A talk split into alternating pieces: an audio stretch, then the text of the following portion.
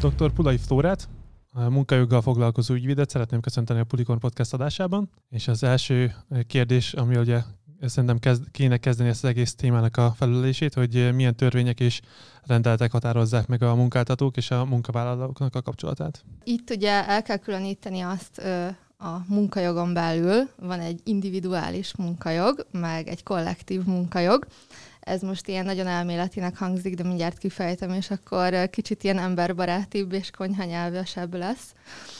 Az individuális munkajognak a lényege, hogy el tudjuk különíteni azt a munkajogot, ami a versenyszférában jelenik meg. Ez a klasszikus munkajog. Tehát ez az, amivel találkozunk így a hétköznapokban is. Itt vannak ugye a munkavállalók és a munkáltatók. Ezen kívül a munkajog területére soroljuk a közféra munkajogát is. Itt voltak néha viták ezzel kapcsolatban, viszont ugyanúgy a munkajogi szereplők részesei a, a, a közférában dolgozók, gondolok itt a közalkalmazottakra, köztisztviselőkre, illetve itt egyéb ágazati szabályok is vannak amik szabályozzák az ő jogviszonyukat, és akkor ez volt így az első pak, és akkor a második pak pedig a kollektív munkajog, ez pedig egy ilyen nagyon szűk területe a munkajognak, igazából így kevesen is értenek hozzá, szerintem Magyarországon olyan Isten igazából. Itt jelennek meg a szakszervezetek, az üzemi tanács, az érdekképviseleti szervek, itt beszélhetünk kollektív munkaügyi vitákról, itt jelenik meg a kollektív szerződés, tehát ez mindig egy ilyen szűk el, elkülönült terület. Például a kollektív szerződés az milyen méret fölött szokott általában bejönni a képben? Az adott munkáltatónál, a munkavállalók 10%-ánál ö, merül fel. Itt ugye mindig a, a, a, a tagok hatalmazzák fel kvázi a szakszervezetet arra, hogy akkor kezdeményezzék a kollektív szerződés megkötését a munkáltatóval. Egy munkáltató mindig egy kollektív szerződést köthet, és ugye az MT-ben sok helyen olvashatjuk azt, hogy kollektív szerződés ettől eltérhet, az mindig ugye akkor van, hogyha ha, ö, van már kollektív szerződés az adott munkáltató mellett. Ilyen szektorok kifejezetten például a szállítmányozás, tehát kamionos munkavállalóknál ez például sokszor megjelenik, hogy ott nézni kell, hogy akkor van-e kollektív szerződés, és akkor ott érdemes például bérvitáknál, meg, meg egyéb ilyen vitáknál is nézni, hogy hol van eltérés, mert például a kártérítésnél is eltérhet. És akár mondjuk egy tízfős cégnél is már megjelent egy kollektív szerződés, vagy az, azért ott van valami méretgazdaságosság, vagy valami méret, ahol? Hát ö, kell azért egy méret, tehát hogy egy X főt el kell érniük, de őszintén megmondom, én nem vagyok a kollektív munkaügynek a szakértője, tehát azért mondom, hogy ez egy nagyon, nagyon szűk terület, és, és tényleg így kevesen értenek hozzá. Ö, szakszervezetek mellett működik ilyen ö, tanácsadó program, meg, meg egyebek, és akkor ők elég így rendelkezésre tudnak állni. Tehát amiben alapvetően ö, aztán vannak ügyvédek, akik foglalkoznak ezzel is, de alapvetően ügyvédként inkább így a, a klasszikus individuális munkajog az, amire tudunk fókuszálni. Ö, nyilván, hogyha már van egy létező kollektív szerződés, az például egy peres jogvitában figyelembe vesszük, tehát tudunk jogot értelmezni, nem arról van szó, csak, csak ami már tényleg az ilyen ö, szerződéskötés és egyéb körökbe tartozik, azt inkább így a szakértőkre kell hagyni azokra, akik ebben a körben mozognak. A másik kérdés, ami szerintem ugye nagyon sok embert érint, hogy mikortól minősül egy, egy szerződéses viszony, ugye, ugye munkajog, mikor tartozik a munkajog alá.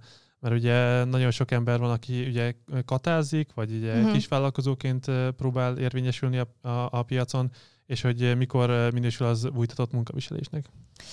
Itt alapvetően, amit el kell különíteni, hogy, hogy maga a kata, tehát a kisadózó adózási forma, az egy adózási forma. Tehát ott, ott nem feltétlenül kell egyéni vállalkozónak lenni, sőt, ugye egy megbízási szerződés megkötéséhez sem kell egyéni vállalkozónak lenni feltétlenül, tehát hogy, bár, tehát, hogy egy cég és cég között is nyilván létrejön egy megbízási szerződés. Itt, amire sokan gondolnak, vagy ami ilyenkor felmerül, az az, hogy például és ez egy gyakorlati példa, hogy a munkavállaló munkaviszonyban van mondjuk már három éve a munkáltatónál, és a munkáltató úgy dönt, hogy akkor sokkal gazdaságosabb neki az, hogy ő inkább megbízási jogviszonyban ő legyen, mert rájön, hogy teljesen más járulékok merülnek fel, meg hogy teljesen más az adózási forma. Na, ezek az esetek azok, amikor a, a NAVI teljesen rászáll erre. Itt az a lényeg, hogy ö, soha ne ö, és hát nem az, hogy soha ne, de nem ajánlott áttérni úgy megbízási jogviszonyra, hogy a, a munkaviszony elemeit ö, tesszük át egy megbízási jogviszonyba. A munkaviszonynak a lényege az aláfölé rendeltség, és ez a legfontosabb. Egy megbízási jogviszonynál ott mindig egyenrangúak a felek, tehát ott nem beszélhetünk aláfölé rendeltségről. Munkaviszonynál teljesen másként viselkedik az, ut- az utasítási jog. Tehát ott magának a a munka módszerét is meghatározhatom. Sokkal, sokkal inkább központosul az utasítási joga a munkáltatónál, míg ugye ez másként viselkedik a megbízási jogviszonyban. Tehát a munkaviszonynál ö, személyesen kell elvégeznem a munkát, tehát az nem lehet, hogy én, tehát és nem a delegációról beszélek, hanem arról, hogy ott alvállalkozót nem vehetek igénybe munkavállalóként, hogy Józsi, csináld már meg, légy szíves, ezt helyettem, hanem, hanem az csak megbízási jogviszonyban. Tehát egy megbízási jogviszonyban ez pedig működik. És akkor ilyenkor mindig azt kell mérlegre tenni, hogy azok az elemek, amik megjelennek egy munkaviszonynál, és amik a, a lényegi elemét képezik a munkaviszonynak, az vajon, amit én kötni akarok megbízási szerződés, az kimeríti-e, vagy pedig tényleg egy megbízási szerződést akarok kötni.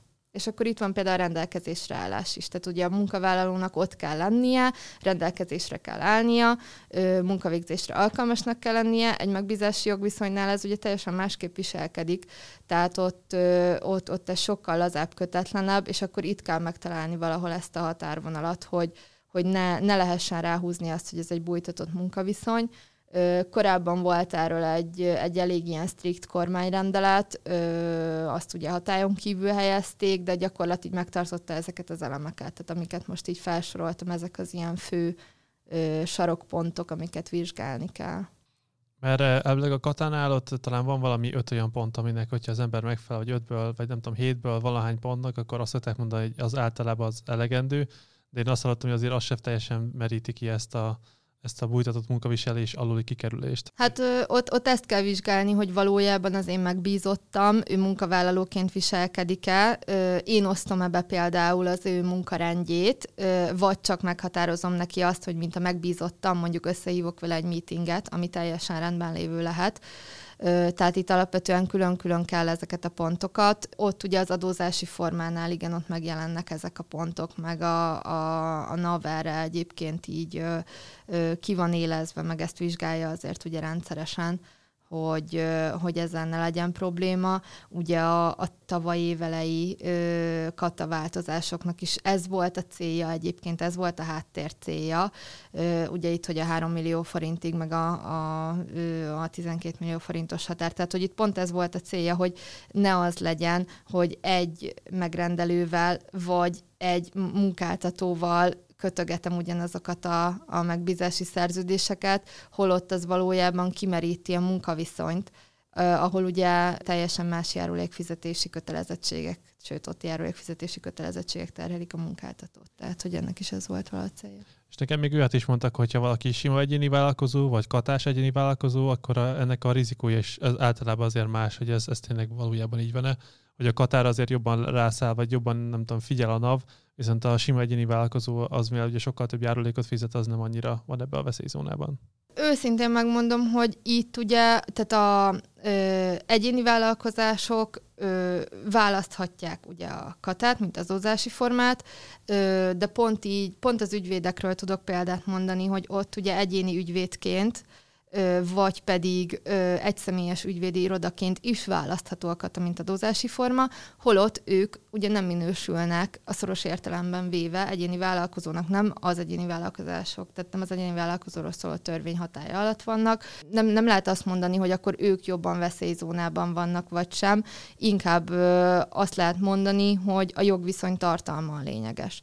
Tehát, hogyha mi tudjuk bizonyítani azt, hogy igen, ő egy megbízott, és ő nem munkavállalóként viselkedik, nem meríti ki, és főleg ez az aláfelé rendeltség. Tehát, hogy e, ez a, ez a fő zsinórmérce.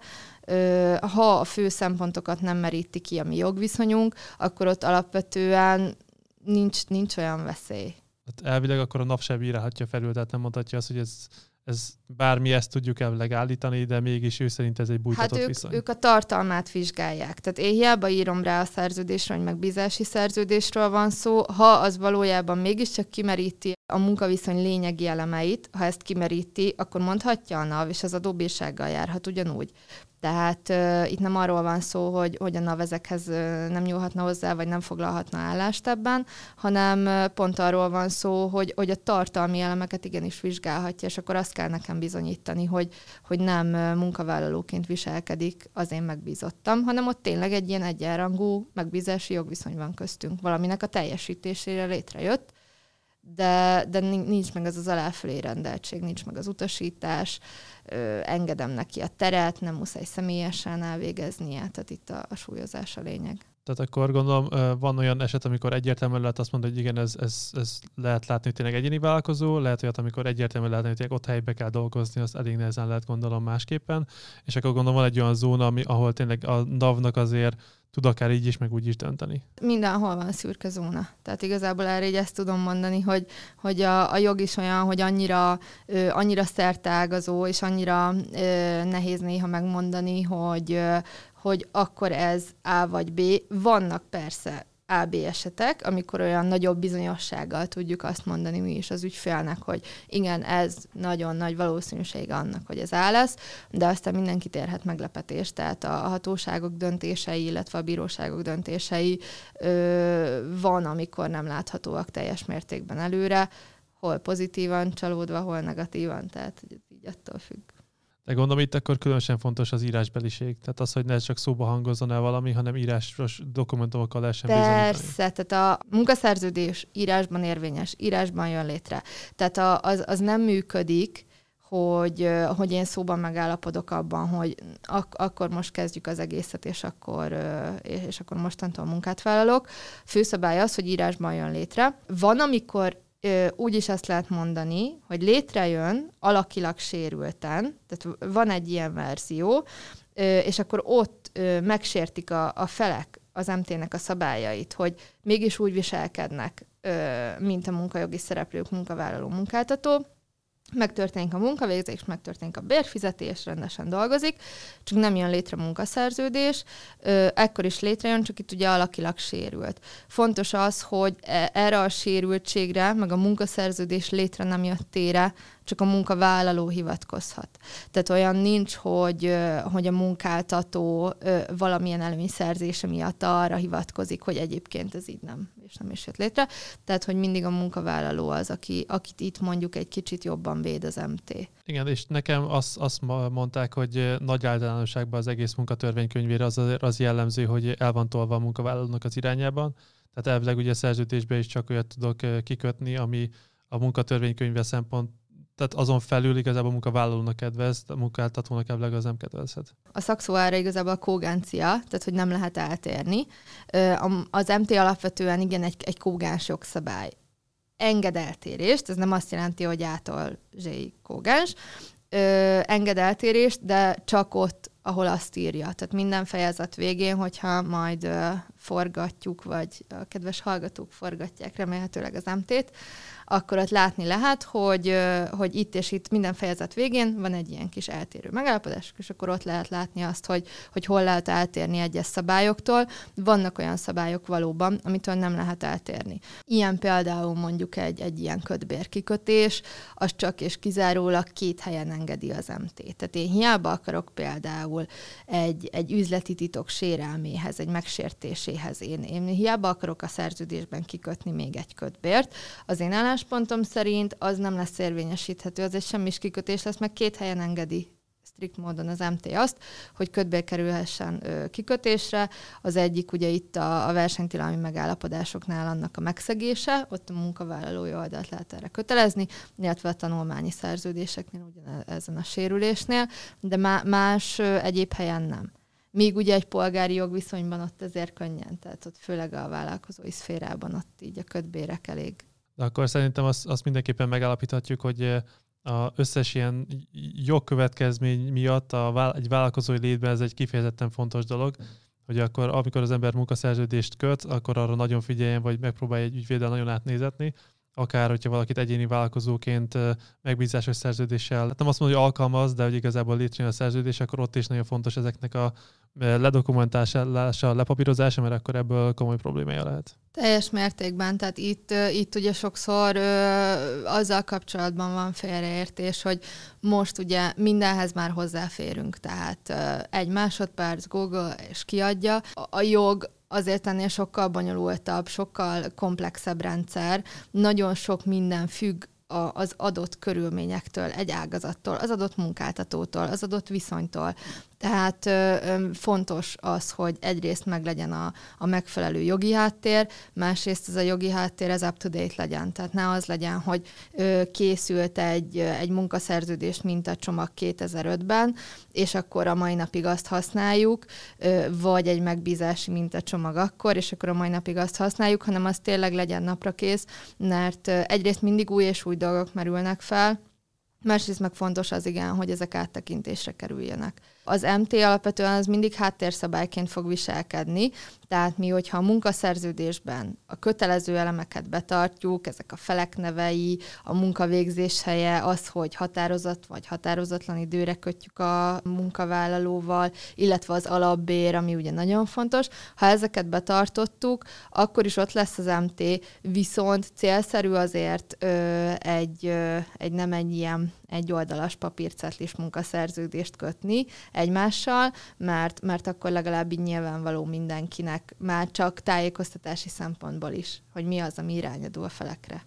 Igen, mert nekem, nekem ez jött le az ilyen vállalkozásba, hogyha valaki vállalkozásba kezd, akkor ez egy olyan terület, amire különösen érdemes fókuszálni, mert itt, itt nagyon megütheti valaki a bokáját. Nagyon, tehát, hogy mármint úgy nagyon, hogy Például, ami gyakran felmerül probléma, az mondjuk a versenytilalmi megállapodások kapcsán. Tehát ott például rengeteg jogvita van abból, hogy korábbi szerződéscsomagokat alkalmaznak a munkáltatók, vagy volt olyan munkaügyi pár, és akkor az nagyon kellemetlen volt a munkáltatónak, ott munkavállalót képviseltem, és ott az volt a gond, hogy nyilvánvalóan egyébként benne hagyta a szerződésben a munkáltató és olyan munkakörben dolgozott a munkavállaló, ami abszolút nem indokolta volna. Tehát így nagyon a, a munkahelyi hierarchia alján lévő és most abszolút nem degradálóan, csak egy, egy olyan munka volt, amit nem igényelte egy, egy ilyen versenykorlátozás, és akkor az benne maradt, és hát onnantól kezdve, hogy benne maradt, és a munkavállaló megkezdte ennek a teljesítését,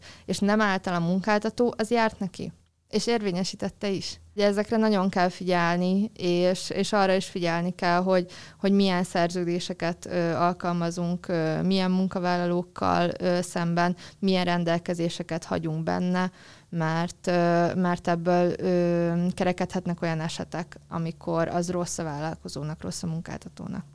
Ha a munkavállalói oldalról kezdünk, akkor kezdhetnénk azzal a kérdéskörről, hogy mik a munkavállalónak a kötelezettségei, gondolom a munkatörvénykönyv alapján. Itt ugye el kell különíteni azt, hogy vannak ezek a nagyon generális kötelezettségek, amire mindig azt mondják, hogy így átszövik a munkajognak a rendszerét, ezek az alapelvek, én azt gondolom, hogy ettől most így eltekintve, amit így mindenki sejt, hogy egy ilyen együttműködési, tájékoztatási kötelezettség, tehát amiket így gyakran hallunk, ezek nyilván vonatkoznak a munkavállalóra is, ez is egy fő kötelezettsége, de a legfőbb kötelezettsége az, hogy munkavégzésre alkalmas állapotban megjelenjen akkor, amikor neki fel kell venni a munkát. Tehát alapvetően itt ez a legfőbb kötelezettség, hogy, hogy alkalmas legyen arra, hogy a beosztása szerint végezze a munkát. Az ittas állapot az például hova, hova sorolandó? Hát az ittas állapot az oda sorolandó, hogy ott nagyon nem alkalmas az illető. nyilván az is kérdés, hogy az ittasságnak milyen fokáról beszélünk. Itt azért elég széles a skála, de, de azért gondoljunk bele, hogy vannak olyan munkakörök, ahol konkrétan egy fél decibor is kvázi kizárt, mert mondjuk olyan ö, precizitást, olyan ö, kézügyességet, óraműpontosságú munkát igényel. Van, ahol mondjuk teljesíthető úgyis a munka, ettől függetlenül nem minősíthető ö, munkavégzésre alkalmas állapotnak, hogyha ha ittasan jelenek meg a munkahelyemen. Ö, ezt a munkáltató ellenőrizheti, sőt, tőle is egy ilyen elvárt dolog, hogy ezt ellenőrizze is, mert a munkáltatónak meg van egy olyan fő kötelezettsége, hogy neki meg biztosítania kell az egészséget nem veszélyeztető és a biztonságos munkakörülményeket. Ha ott most a munkavállaló balesetet szenved, miközben ittas volt, az nyilván önmagában nem lehet feltétlenül a munkáltató hibája, de ott már elindulhat egy bizonyítási eljárás, hogy akkor pontosan az ő ellenőrzési körén kívül esette esetleg az esemény. Tehát, hogy itt, itt, itt nem is gond igazából, hogyha ellenőrzi a, a munkavállalót. Arra kell figyelni, itt a NAI-nak volt egy állásfoglalása ezzel kapcsolatban, ezeket érdemes mindig megnézni. Most azért ugye az adatvédelem is az elmúlt években egyre nagyobb szerepet kapott, a munkajogban is.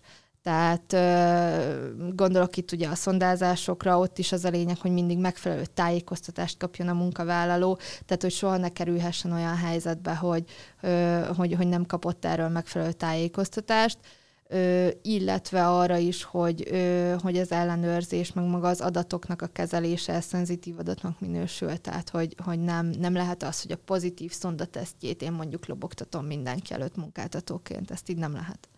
Tehát ezekre oda kell figyelni. És az például a cégen belül hogyan lehet akkor megbeszélni, hogy mi volt, mi volt valaminek az oka, vagy ezt például akkor ki kellett akkor megbeszélni?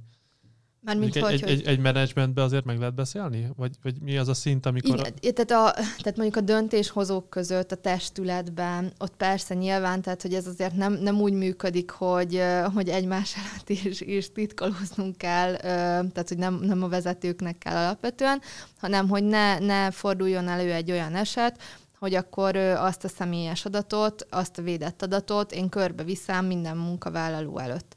Tehát ezt is ugye olyan szinten kell azért szenzitíven ö, kezelni, hogy ö, hogy ne az legyen, hogy ezzel kapcsolatban bármi hátrány éri a munkavállalót, meg, meg itt is egy jogorvoslatot egyébként biztosítani kell a munkavállalónak. Tehát és például ez van olyan vétség, amiért egy azonnali felmondás az indokolt lehet, vagy ez, ez csak egy megrovás? Vagy itt ez, ez például a jog az, az hova sorolja? Ez is inkább bírói gyakorlat, tehát hogy ez se ilyen strikt dolog.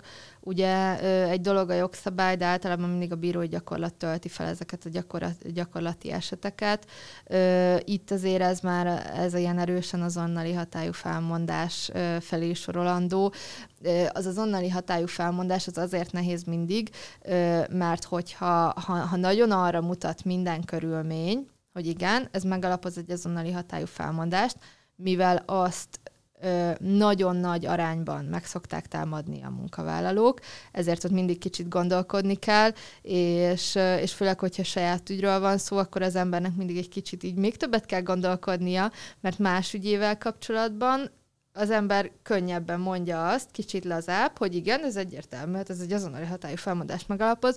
Saját ügyel kapcsolatban viszont néha az ember ugye kicsit így robban ráfeszül, és akkor kicsit ott el, elveszik az objektivitás, holott ez például igen, tehát hogy ez, egy, ez pont egy olyan eset, hogy, hogy ez megalapozhat. Mi az, ami például egy azonnali ugye, felmondást meg, megalapozhat, mert ugye a közös megállapodást szokták ugye mindig ugye forszírozni általában szerintem az ügyvédek, mert az talán a legtisztább, és hogy egy, egy ilyen azonnali hatályúnál gondolom, akkor egy ittasság, vagy egy, ott elvileg, ha jól emlékszem, szándékos károkozásra van.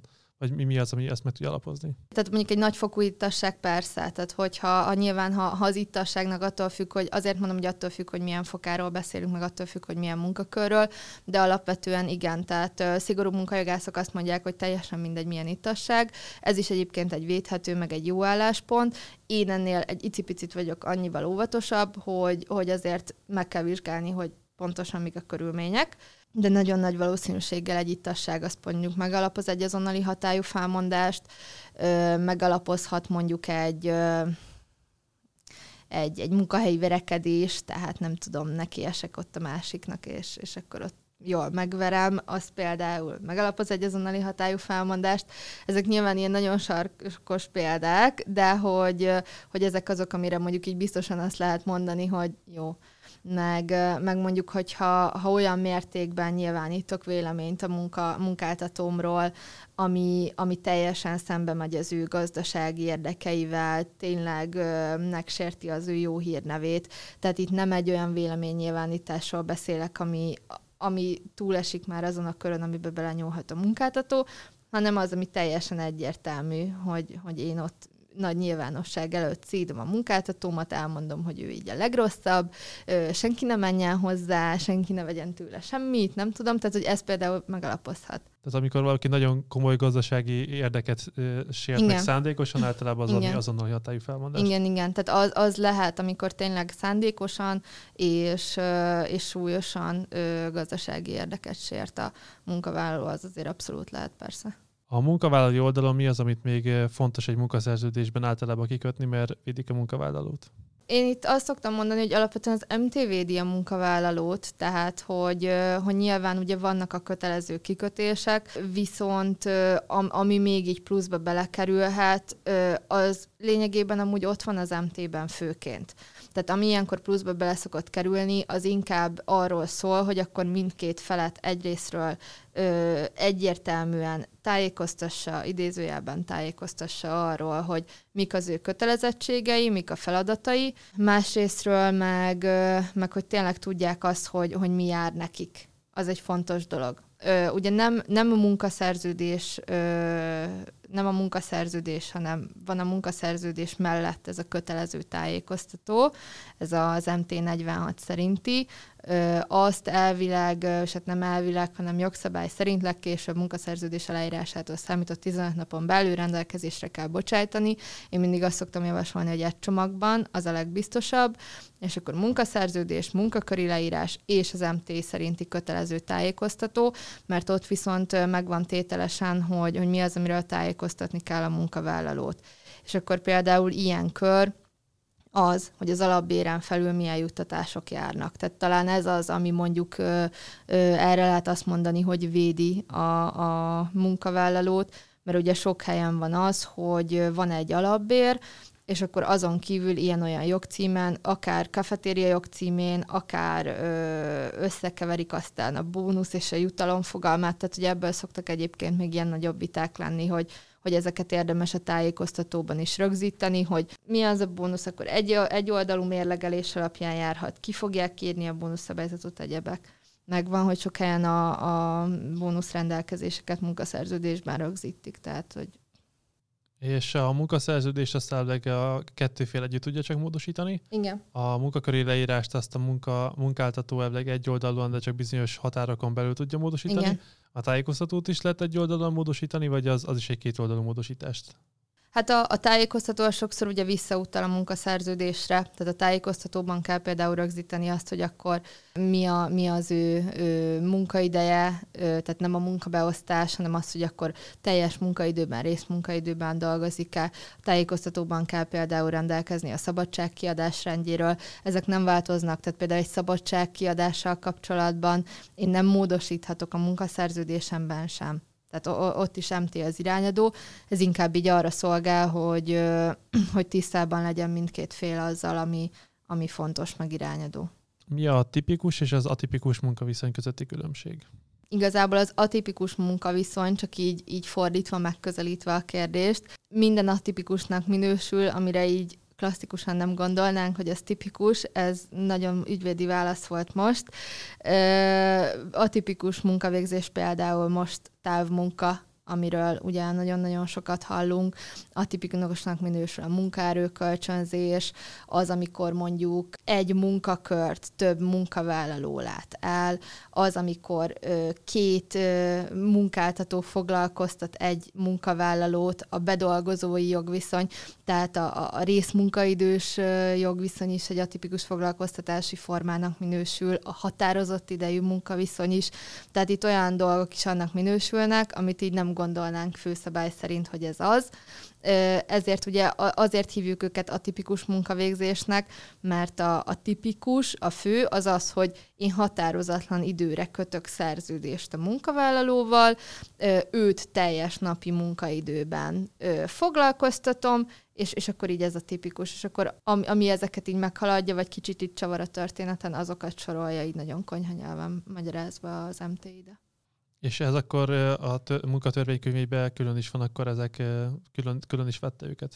Igen, tehát hogy erről vannak külön rendelkezések, tehát így ez az MT végén van idézőjelben, tehát hogy, hogy van, ami ilyen szorványosan, de, de igen, erről vannak külön rendelkezések. Megpróbáltunk ilyen, hát nem azt mondom, gyakori kérdéseket, olyan, amit e- esetleg érdekelhet egy munkavállalót összegyűjteni, és abból például az egyik, hogy jogosan rúghatnak-e ki, ha nem mentem be egy napot dolgozni. Erre azt tudom mondani, hogy hogy itt is, itt is van egy olyan álláspont, ami, ami a szigorúbb munkajogászok álláspontja, meg van olyan álláspont, amire azt lehet mondani, hogy attól függ.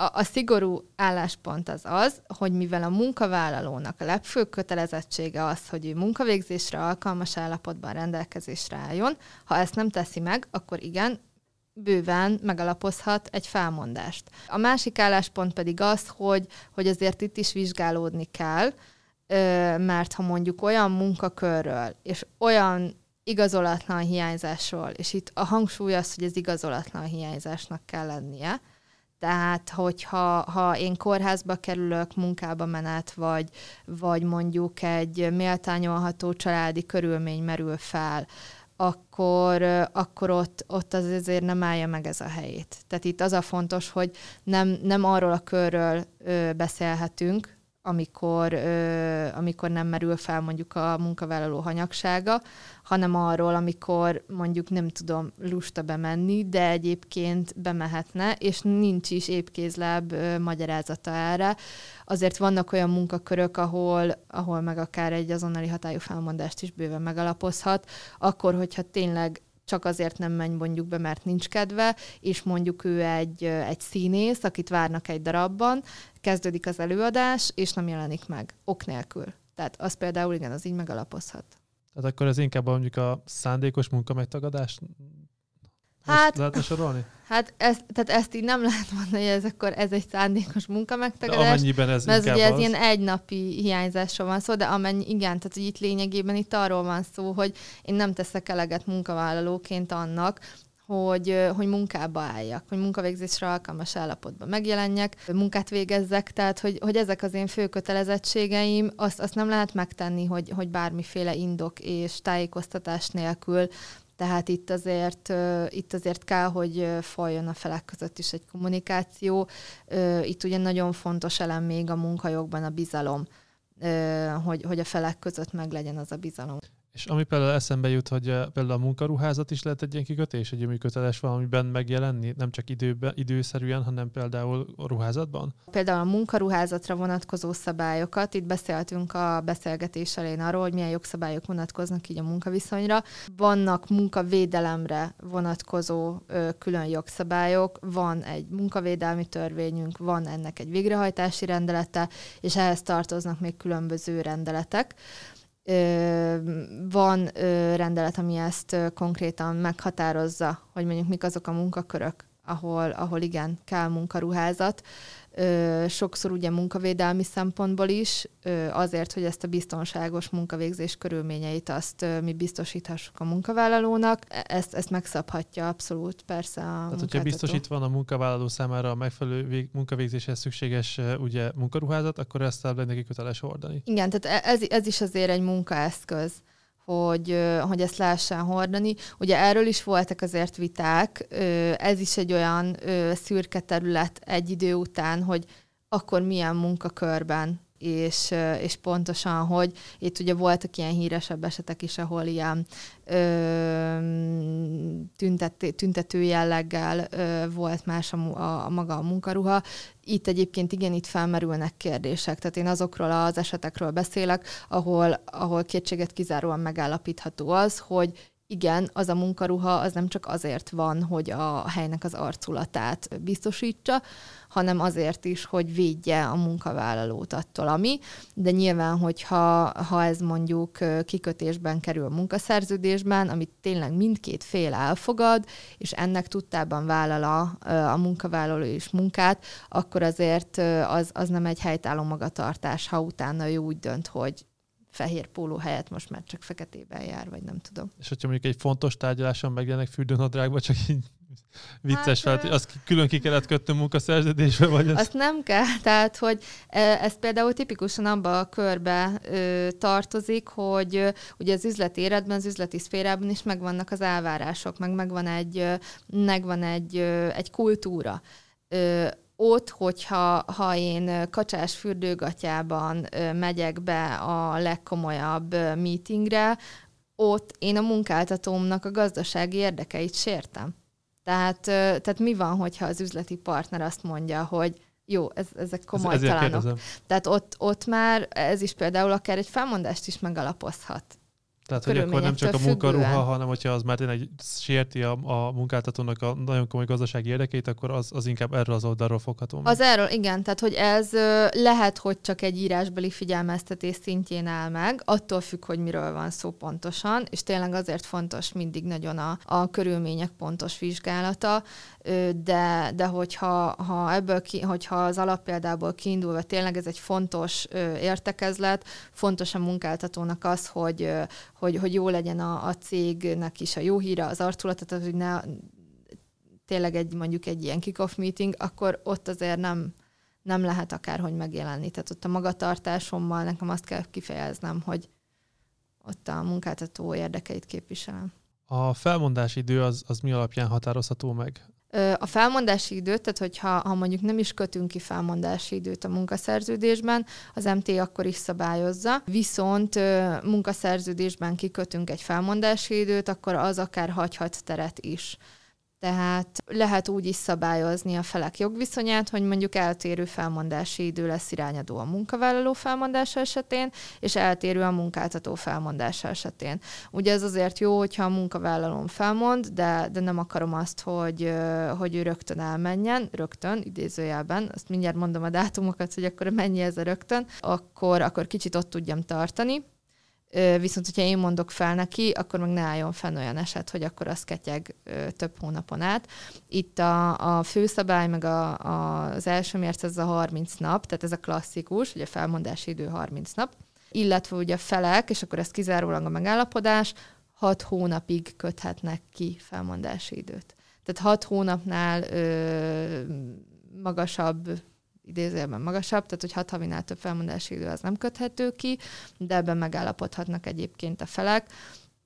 Itt egyébként így munkáltatói oldalról, meg munkavállalói oldalról is nézve mindig azt kell mérlegelni, hogy bele kell gondolni abba, hogy mondjuk munkavállalóként, ha én majd szeretnék mondjuk egy ö, váltást, szeretnék majd egy, egy másik munkáltatóhoz elmenni, akkor, akkor az reális nekem, hogy mondjuk megtalálom álmai munkáját, és közben van egy 90 napos felmondási időm, mert azt bizony egyébként le kell tölteni akkor, hogyha a munkáltató azt mondja, hogy ő nem hajlandó megegyezni. Mert olyan lehet egyébként, hogy mondjuk a munkavállaló felmond, közli a felmondást, de jelzi azt is a, a munkáltatónak, hogy egyébként ő nyitott arra is, hogy mondjuk közös megegyezéssel szüntessék meg a jogviszonyt, és mondjuk ne 90 nap legyen ez a felmondási idő, hanem 45, és mondjuk a munkáltató is úgy dönt, hogy neki se hiányzik az, hogy, hogy ott lébecoljon ez a munkavállalója, mert mondjuk már elmérgesedett a viszony, vagy így nincs szükség erre, és akkor a felek ott megállapodhatnak ebben. Tehát annak nincs akadálya.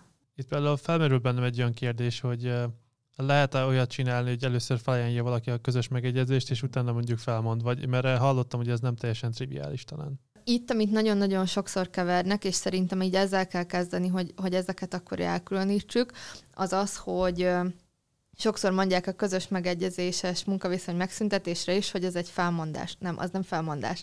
Tehát van a felmondás, ez, a, ez az első pak, és akkor van a közös megegyezés, a felmondás az mindig egy egyoldalú nyilatkozat. Ott egyoldalúan nyilatkoztatom ki, akár munkavállalóként, akár munkáltatóként azt, hogy megkívánom szüntetni ezt a jogviszonyt. A közös megegyezés az egy szerződés. Tehát ott mi ketten közösen megállapodunk abban, hogy milyen feltételekkel szüntessük meg ezt a munkaviszonyt.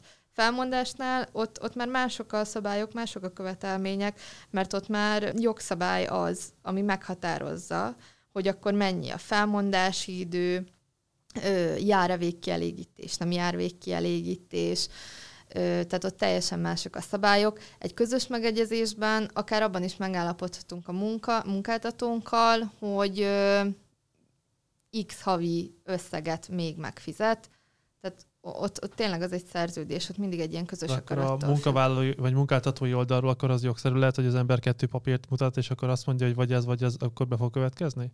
Na ez olyan, hogy, hogy itt azért szokták mondani, hogy óvatosan, mert közös megegyezésnél az viszont fontos, hogy ne helyezzük nyomásgyakorlás alá a munkavállalót, mert sokszor abba a hibába esnek a, a munkáltatók is, hogy tényleg akkor vagy ez, vagy ez.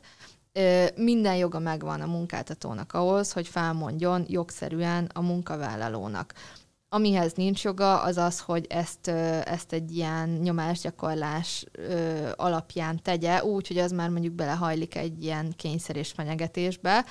Tehát itt, amire figyelni kell, és ami alapján egyébként például a közös megegyezést megtámadhatja a munkavállaló, az az, hogyha kényszer és fenyegetés alatt állt. Tehát egy közös megegyezést azért szokták mondani az ügyvédek, azért, azért volt szó erről ugye az elején, hogy mindig ezt ajánljuk, azért, mert ezt nehéz, nehéz megtámadni. Sokkal nehezebb megtámadni, mert ott a felek közös akarata ment végbe, de nem lehetetlen. És akkor ezt hogyan kell például, nem tudom, tálalni, hogy akkor először csak elkezdeni egy közös megegyezésről beszélni, és ha nem működik, akkor utána felmondani, vagy hogyan jogszerű ez, vagy hogyan nem megtámadható? Ha például behívjuk a, a munkavállalót, és tájékoztatjuk arról, hogy, hogy megkívánjuk szüntetni a munkaviszonyát, tehát hogy, hogy inkább egy ilyen fordított ö, sorrend lenne a javasolt, hogyha már választani kell, tájékoztatjuk a munkavállalót arról, hogy megkívánjuk szüntetni a munkaviszonyát, ö, ezt mondjuk felmondással kívánjuk megszüntetni, de egyébként a munkáltató nyitott arra, hogy közös megegyezéssel szüntessük meg a munkaviszonyt. Tehát akkor inkább a másik És akkor a más, kell. igen, tehát kicsit így a másik oldalról, tehát hogy ne legyen egy olyan ö, vetülete ennek az egésznek, hogy meg egy olyan szaga, hogy, hogy, ez, hogy ő azért írta alá a közös megegyezést, mert ez egy nyomásgyakorlás volt, hanem, hanem azért, mert hogy, hogy mondjuk, vagy megkérdezzük a munkát, és ez fontos, hogy akkor írja alá a közös megegyezést, hogyha mi is megkérdeztük munkáltatóként a munkavállalót arról, hogy neki egyébként mi az álláspontja, ő megkívánja szüntetni a munkaviszonyt mert lehet, hogy ő is meg akarja már szüntetni a munkaviszonyt, csak nem, csak nem ő hozakodott elő ezzel az egésszel, és akkor lehet, hogy ezen az értekezeten derül ki, hogy egyébként mindfél, mindkét fél meg akarja szüntetni a munkaviszonyt. Tehát, hogy inkább ez, hogy a kommunikáció az így ö, ö, úgy folyjon, hogy legyen lehetősége mérlegelni a munkavállalónak, ha szeretné, akkor hadd egyeztessen ügyvéddel, tehát hogy ne, ne az legyen, hogy, hogy nincs ideje átgondolni. Tehát akkor itt a fontos gondom a nyomásgyakorlás, hogy az, ne, az uh-huh, teljesen Igen, legyen. igen. Meg az, hogy tehát önmagában például arra hivatkozva megtámadni a közös megegyezést, hogy neki nem volt ideje gondolkodni, nem volt ideje átgondolni, kizárólag önmagában, ezzel kapcsolatban így nem lehet de a körül, tehát hogy az összes körülménynek a, a mérlegelése alapján azért felmerülhet. Tehát mindig az a kérdés, hogy mik a körülmények. A másik kérdés meg, hogy jár-e végkielégítés, hogyha a munkavállaló mond fel? Hát a, a fő szabály az, hogyha ha rendes felmondásról van szó, azért mondom itt, hogy rendes, hogy nem az azonnali hatályúról, hanem a, a klasszikusról, akkor nem jár végkielégítés. Tehát, hogyha ha én munkavállalóként fel akarok mondani, mert már nagyon elmérgesedett mondjuk a viszony, és nekem még mindig nem mondtak fel, és ezt a döntést hozom, akkor, akkor ezt ezzel a kockázattal hoztam meg, hogy ott lényegében elbúcsúzhatok a végkielégítésemtől. Ami viszont fontos, hogyha munkavállalóként mondunk fel, de azonnali hatállyal mondunk fel, akkor ott jár végkielégítés, de ez azért van így, mert az azonnali hatályú felmondásnál ott azért több körülménynek kell megvalósulnia. Ott ugye vagy az van, hogy, hogy, hogy lehetetlen már a munkaviszonynak a fenntartása, vagy a munkáltatói oldalon következett be egy olyan súlyosok, ami, ami tényleg lehetetlenné tette ezt az egészet. Tehát ennek nagyon kell figyelni, hogy ez jogszerű legyen. Tehát ne, ne az legyen, hogy én összevesztem a munkáltatómmal, megsértődtem rá, és akkor felmondtam, és akkor követelek végkielégítést, mert az jár nekem, hanem mondjuk ez most nagyon sarkos példa, meg sarkos példák, csak szerintem ez így lehet legegyszerűbben elmagyarázni. Mondjuk a, a, a főnököm teljes mértékben megaláz, mert ad egy taslit egy értekezletem. Most nyilván ez tényleg egy ilyen durvább példa, de ott például megalapozhat munkavállaló oldaláról közölt azonnali hatályú felmondást. Tehát akkor elvileg a munkavállaló is simán is, meg azonnali hatályú is felmondhat. Igen. Tehát uh, itt a, a, a múltkori gondolatmát, amikor így a csomagokról volt szó, pont ez lett volna a vége, csak én is egy kicsit így elkalandoztam, hogy a, és akkor ezt keverik sokan, hogy az első csomagban a felmondásos egyoldalú nyilatkozat, ott mindkét szereplőnek uh, két választása van, vagy a rendes felmondás, azért hívom rendesnek egyébként felmondás, hogy, hogy így el tudjuk különíteni, vagy a rendes felmondás, vagy pedig az azonnali hatája történő felmondás. Ugye azonnali hatája történő felmondás esetén ott nincs felmondási idő, ott ugyanaz történik, mint mondjuk egy munkaviszony elején ugye egy próbaidő során, ahol szintén ugye indokolás nélkül azonnali hatája ott meg fel lehet mondani, tehát ott meg engedi a törvény azt, hogy, hogy fel lehessen mondani. Erről a témáról már beszéltünk, de a, talán érdemes ezt is még egy picit jobban pontosítani, hogy akkor kirúghatnak egy Facebook komment miatt az interneten, és akkor elvileg, hogyha az olyan súlyos volt, hogy nagyon sérti a gazdasági érdekét egy cégnek, akkor gondolom igen. Ö, igen. Tehát, hogy én, a, én azt gondolom, hogy igen, itt ugye a, a, a munkavállalónak joga van a véleménynyilvánításhoz. Tehát ö, azzal nem szabad összekeverni, hogy, hogy a munkavállaló ö, kinyilvánítja az ő személyes véleményét, ak- akkor az semmilyen körülmények között nem lehet. Ugye, ugye ezzel kapcsolatban is van, ö, vannak így híresebb esetek, meg eseti döntések, amik ezt támasztották alá, és én is ezzel az állásponttal értek egyet, hogy alapvetően a, a véleménynyilvánításhoz való jog az ne csorbuljon, viszont, és, és akkor itt van a nagy viszont, ezt nem lehet úgy megtenni, és ez a korlátja a munkavállaló véleménynyilvánításhoz való jogának, hogy ez a munkáltató jogos gazdasági érdekét ö, sértse. Tehát amikor én szándékosan ö, ócsárolom a, a munkáltatót ö, Facebookon, ö, akkor, akkor az megalapozhat felmondást. A másik kérdés meg, hogy milyen az a munkahelyi bánásmód, és meddig mehet el egy vezető, amit elvileg köteles valakit űrni? Uh-huh. Hát ez annyira így a, az adott ö, szituációtól függ, hogy nehéz erre ilyen strikt módon válaszolni.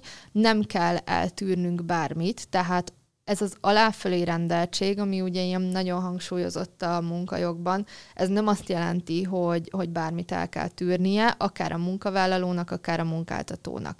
Tehát, hogyha kifejezetten fizikai erőszak esetén, azt nem, tehát, hogy az ilyen teljes nógó, mostanában ugye már így a, az elmúlt években így kezdett begyűrűzni a magyar munkajogba is, külföldön azért már így régebb óta foglalkoztak a témával, ugye ez a mobbing, ahol ilyen pszichikai terror alá helyezik a feleket, főleg a munkavállalót, tehát itt a munkavállaló oldalról van szó. Ezeket nem kell eltűrni, de, de itt sem szabad azért olyan szinten szenzitívnek lenni, ami már ami mondjuk nem üt meg egy ilyen általános elvárható mércét. Tehát sokszor ez, a, ez az általános ö, elvárhatósági mérce, ami alapján ezeket az ügyeket lehet vizsgálni. Tehát akkor gondolom a társadalomban van egy általánosan elfogad, vagy általánosan kialakult mérce, és akkor minden ahhoz van Igen. mérve. Tehát, hogy van egy és ilyen... az változik, akkor gondolom változik a, a, a bírói gyakorlat is, de ez, ez, ez határozza meg. Igen, tehát hogy, hogy ez egy ilyen elvárható norma hogy mi az, tehát az sosem volt elvárható norma, hogy fizikai jó a rabszolgatartás során, de hogy így az nem most van. Ez soha nem volt elvárható meg, meg ez nem is volt helyes magatartás.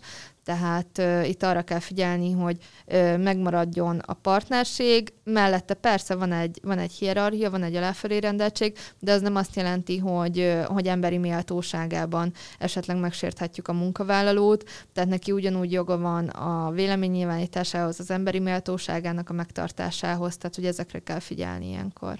És gondolom ez az emberi méltóság, ez vice versa működik, tehát a munka, munkáltatót Természetesen, sem. abszolút, tehát hogy, hogy a, a munkáltatót sem sértegethetem a végtelenségig, tehát a munkáltatónak sem kell eltűrnie. Ugye itt a munkáltató maga az, az maga a társaság, tehát hogy, hogy ez egy jogi személy, de a munkáltatónak a vezetőit mondjuk, akik nyilván képviselik a munkáltatót magát, és megszemélyesítik kvázi megtagadhat-e egy munkavállaló munkát, ami nem szerepel a munkaköri leírásában, és milyen munkát tagadhat meg? Hát itt van egy olyan kör, amikor köteles megtagadni, tehát amikor nincs választási lehetősége, és van egy olyan kör, amikor megtagadhatja, és akkor ott, ott eldönti a munkavállaló, hogy akkor ő szeretné azt a, az utasítást megtagadni, vagy nem tagadni meg.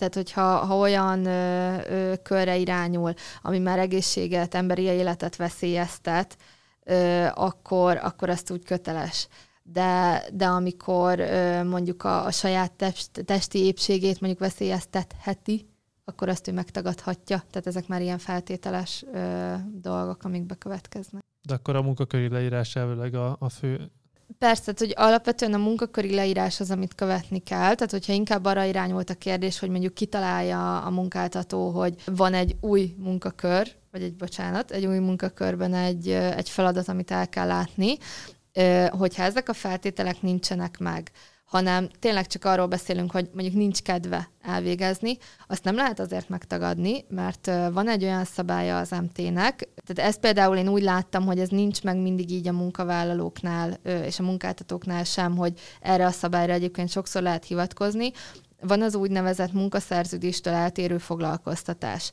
Ez azt jelenti, hogy ha én más munkavégzési helyen, más munkakörben ö, foglalkoztatom a, munkavállalót, az addig jogszerű, amíg 44 munkanapig vagy 352 óráig beosztás szerinti 352 óráig történik meg. Tipikusan ez történt meg például a, a COVID alatt a home office szabályokkal, hogy ott ugye ott is egy ilyen ilyen óriási keveredés van a távmunka meg a home office fogalmi elemei között, holott maga a home office, meg az, hogy én elrendelem ezt az tényleg adhok eseti home office-t, ott ezt használja ki a munkáltató, hogy akkor ezt a munkaszerződéstől eltérő foglalkoztatást, ez a 44 nap per 352 óra. És most például a Covid alatt ez, ez nem mindig volt szerintem 44 nap, hogy annak a túllépését akkor hogyan lehet Hát azt úgy, hogy a, a mai napig ö, mozgásban vannak az erre vonatkozó szabályok, tehát itt volt ö, még 2020-ban a 487-es kormányrendelet, ö, az szólt a távmunkavégzésre irányadó eltérő szabályoktól, ami kicsit kvázi közelebb hozta a távmunkát a home office-hoz. Ezt, ezt most megint módosították, tehát most megint új elemek kerültek be, és uh, én úgy látom, hogy ez a terület most ilyen folyamatosan mozgásban van, azért, mert a COVID előtt alapvetően a magyar piacnak a szereplői nem szerették tehát, hogy így vannak egyes szektorok, ahol például IT szektor, ott, ott azért úgy mindig így elfogadott volt, meg, meg bevett szokás, meg látták azt, hogy otthoni munkavégzés során is ö, ugyanolyan hatékonyak tudnak lenni a munkavállalók. Ö, ezt sok szektorban a COVID előtt nem látták mert, mert ilyen magyar szokás lett, vagy én nem tudom, hogyha nem látom a munkavállalót, akkor biztos nem dolgozik, holott ugye a legtöbb nyugati államban azért ez nem, nem, nem ilyen volt a felfogás, most hála a jognak szerintem ez így kezd begyűrűzni azért, hogy, hogy látják azt a munkáltatók is, hogy az otthoni munkavégzés az nem azt jelenti, hogy nem dolgozik a munkavállaló, sőt, néha egyébként szerintem pszichikailag van, akit mondjuk jobban megterhel, hogy ez a kettő összemosódik és akkor emiatt ezek most így közeledtek. Amit el kell választani a kettő között, az főleg az, és az MT főszabály, mert most ö, részletesen ö, ö, ki tudunk rá, vagy ki tudok rá még térni, hogy most mik az eltérő szabályok, de az MT főszabály távmunkánál az, hogy ez akkor ö, valósul meg, hogyha a munkáltató székhelytől eltérő, vagy telephelytől, tehát a munkavégzés helytől ö, eltérő helyen végzek én munkát, és akkor ebben megállapodunk, tehát ott a munkavégzés helye az én otthonom lesz mondjuk de lehet a nagynéném otthona is. Tehát az a lényeg, hogy ez így kijelölésre kerüljön, és uh, információtechnológiai számítástechnikai eszköz útján továbbítom én az információt, meg a munkát. Most például ez került ki ezzel az átmeneti rendelkezésekkel, mert most, most behoztak egy olyan rendelkezést, ami alapján megállapodás szerint például itt a veszélyhelyzet alatt kivonták ezt az információtechnológiai kört, ami amúgy így megint érdekes kérdéseket vet fel. Tehát tényleg ez egy ilyen dinamikusan fejlődő terület most végre, meg hála a jó égnek, de, de oda kell rá figyelni, mert sok munkáltató nagyon keveri a home office-t meg a távmunkát, pedig nem szabadna. Igen, meg én azt is hallottam, hogy régen talán azért is sem volt annyira gyakori a home office, hogy elvileg ott a munkáltatónak ellenőrizni kellett volna például a, a konnektorban az áramtól kezdve mindent. Most is. Most is? Most is. És, és ezt keverik nagyon sokan, hogy ö, ha, ha, ha van közös metszet a home office-ban, meg a távmunkában, a home office tényleg ez az adhok, egyszer elrendelem, egy oldalú utasítással oda megy, köthetek erre megállapodást is, csak tényleg ilyen ingoványosabb talaj, mert azt már megint úgy hívjuk, hogy távmunka tartalmában. A távmunka meg mindig egy szerződéses, ott lehet részleges is, lehet teljes távmunka, tehát ott különböző alfajai vannak, viszont ami közös metszet mindkettőben, azok a munkavédelmi szabályok.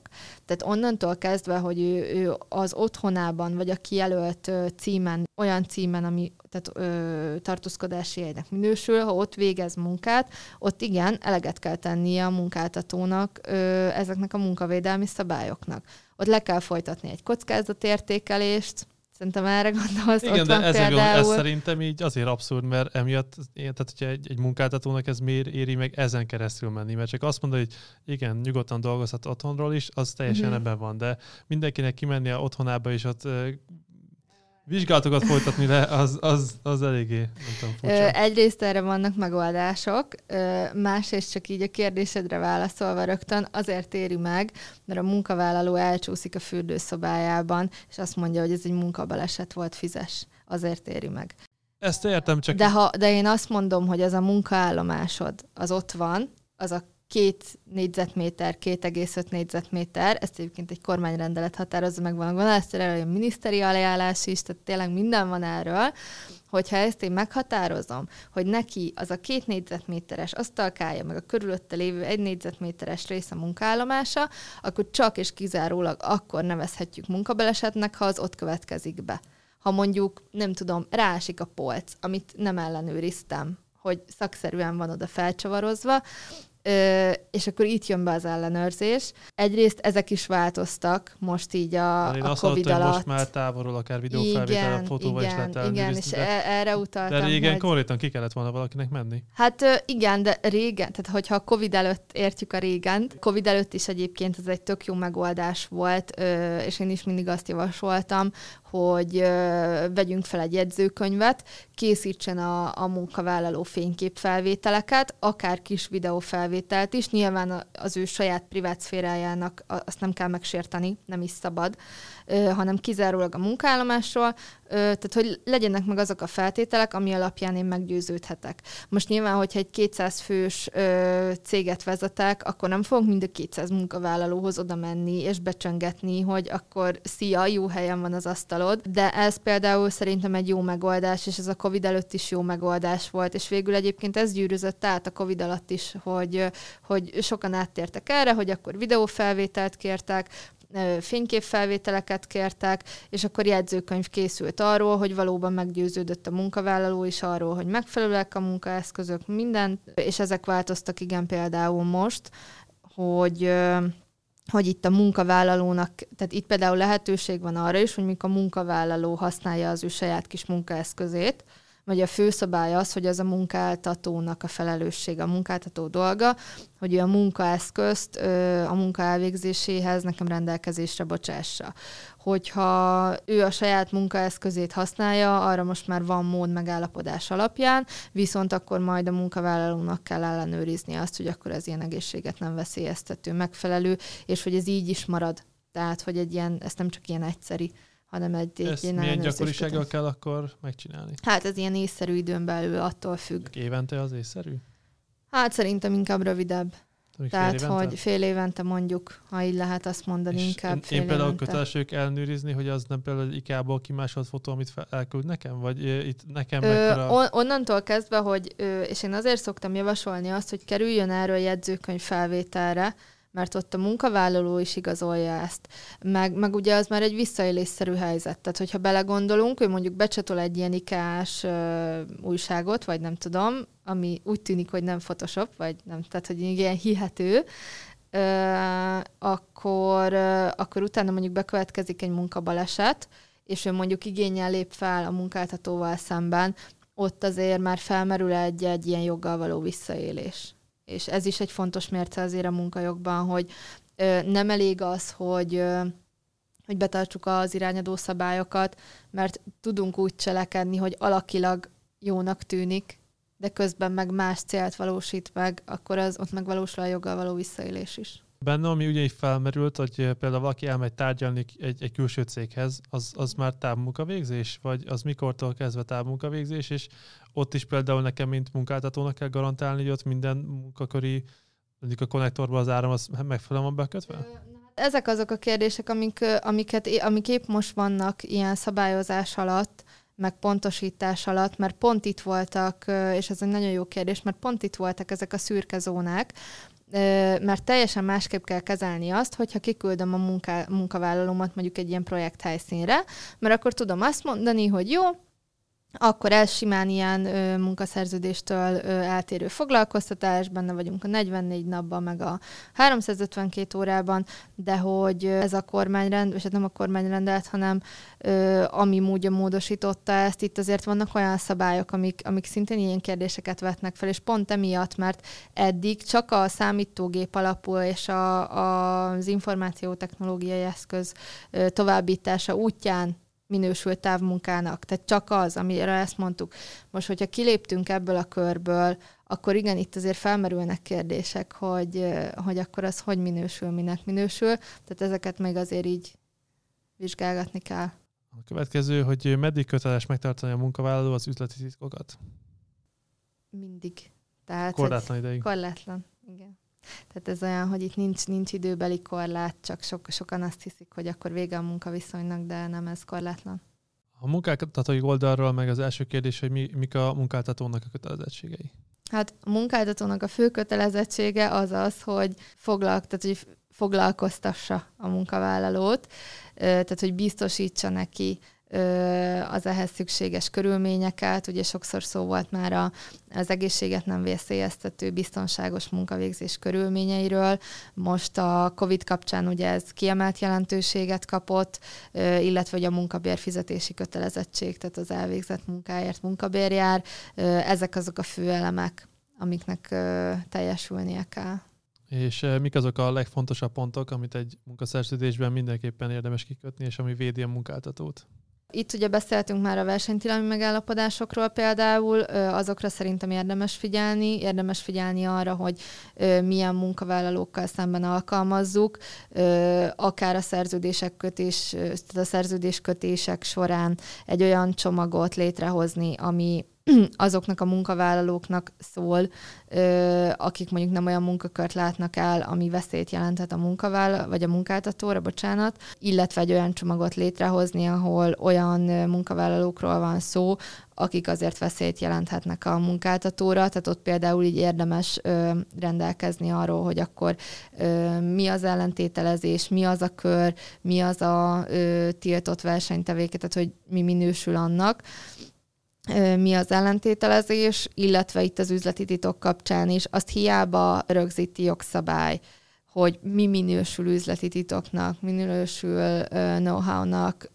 Én bele szoktam írni a munkaszerződésbe, kicsit azért is, hogy így a munkavállalót tájékoztatásra kerüljön, mert ugye nem biztos, hogy a munkavállaló elolvassa azt a jogszabályt szabad idejében, viszont hogyha ott van a munkaszerződésében, akkor tájékoztattam őt arról, hogy mi az, amire oda kelljen figyelnie, tehát ezek azok a dolgok, amire ö, így kifejezetten oda kell figyelni munkáltatóként, illetve ami javasolt munkáltatóként, ugye nem csak a munkaszerződésről van szó, hanem a kötelező tájékoztatóról, ez az MT46 szerinti klasszikus kötelező tájékoztató, ami egyébként távmunkavégzés esetén még ki is egészül, tehát hogy ott van annyi plusz, hogy ott még ilyen kötelező tartalmi elemeknek kell megjelennie. Munkaköri leírás, tehát azt is rendelkezésre kell bocsátanunk, illetve jó, hogyha megvannak a, a saját kis belső szabályzataink. Vannak ugye kötelező szabályzatok, ilyen a tűzvédelmi szabályzat, a munkavédelmi szabályzat, de ha például céges kocsit bocsátunk rendelkezésre, akkor nagyon javasolt, hogy legyen erről is szabályzat, munkaeszközökről szabályzat, laptop, telefon, mert ezekből is sok jogvita van, hogy nincs igazából leszabályozva, hogy mi meddig terjed, és akkor utána csak vita van belőle. És eh, például, ha van egy startup, és vannak mondjuk négyen, öten programoznak, és egy ilyen coworking office-ba mennek dolgozni, akkor nekik is eh, szükséges egy ilyen tűzvédelmi szabályzat, pedig ők nem is vannak úgymond egy általuk birtokolt épületen belül? tűzvédelmi szabályzat az nem attól függ, hogy, hogy így kinek a tulajdonában van az ingatlan, meg kinek nem. Ott a munkáltatónak kell alapvetően így eleget tenni ennek. Hát, de ha, így akár a... négyen, öten vannak, nem is, akkor is, mert egy ilyen szabályzat az kötelező. Én úgy tudom, hogy igen, de őszintén megmondom, hogy a, a munkavédelem egy adott ponton túl az is egy olyan terület, amire ugye külön munkavédelmi szakértők vannak. Itt ugye nem feltétlenül jogászokról van szó, hanem külön munkavédelmisek.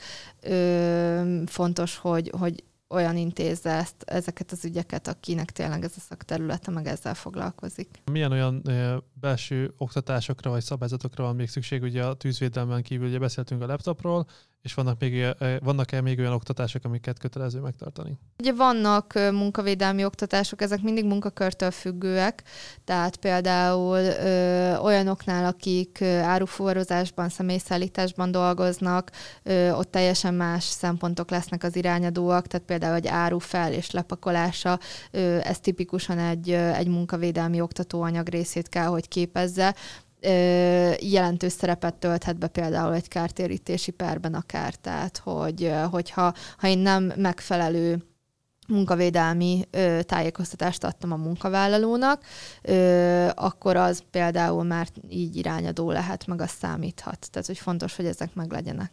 És bennem itt felmerült, hogy vajon egy nagy multiról mindig azt szokták mondani, hogy az a probléma, hogy túlságosan le van szabályozva minden, de ennek akkor valószínűleg lehet egy ilyen oka is, hogyha minden le van szabályozva, akkor ő neki a felelőssége az, az eléggé korlátozottá válik így, hogy lehet ez, ez benne egy, egy motiváció? Vagy nem is az, hogy korlátozottá, hanem legalább követhetővé. Ö, tehát a, a, ugye a kisebb vállalkozásoknál sokszor úgy van, hogy ö, akkor fordulnak ügyvédhez, amikor, amikor már baj van ez olyan, mint a fogorvos, hogy így tényleg, hogy így akkor, amikor vagy bármelyik orvos, hogy amikor már tényleg nagyobb baj van. A multiknál azért az jellemző, hogy ők meg így előzetesen szeretik átvilágítani azt, hogy akkor minden rendben van-e minden területen, ugyanígy munkajogi területen is, és igen, valószínűleg így ez lehet az oka, hogy ott ugye nem csak a tapasztalatok, tehát nem csak a személyes munkáltatói tapasztalatok irányítják ezeket a döntéseket, hogy akkor minden megfelelő szabályzatba legyen öntve,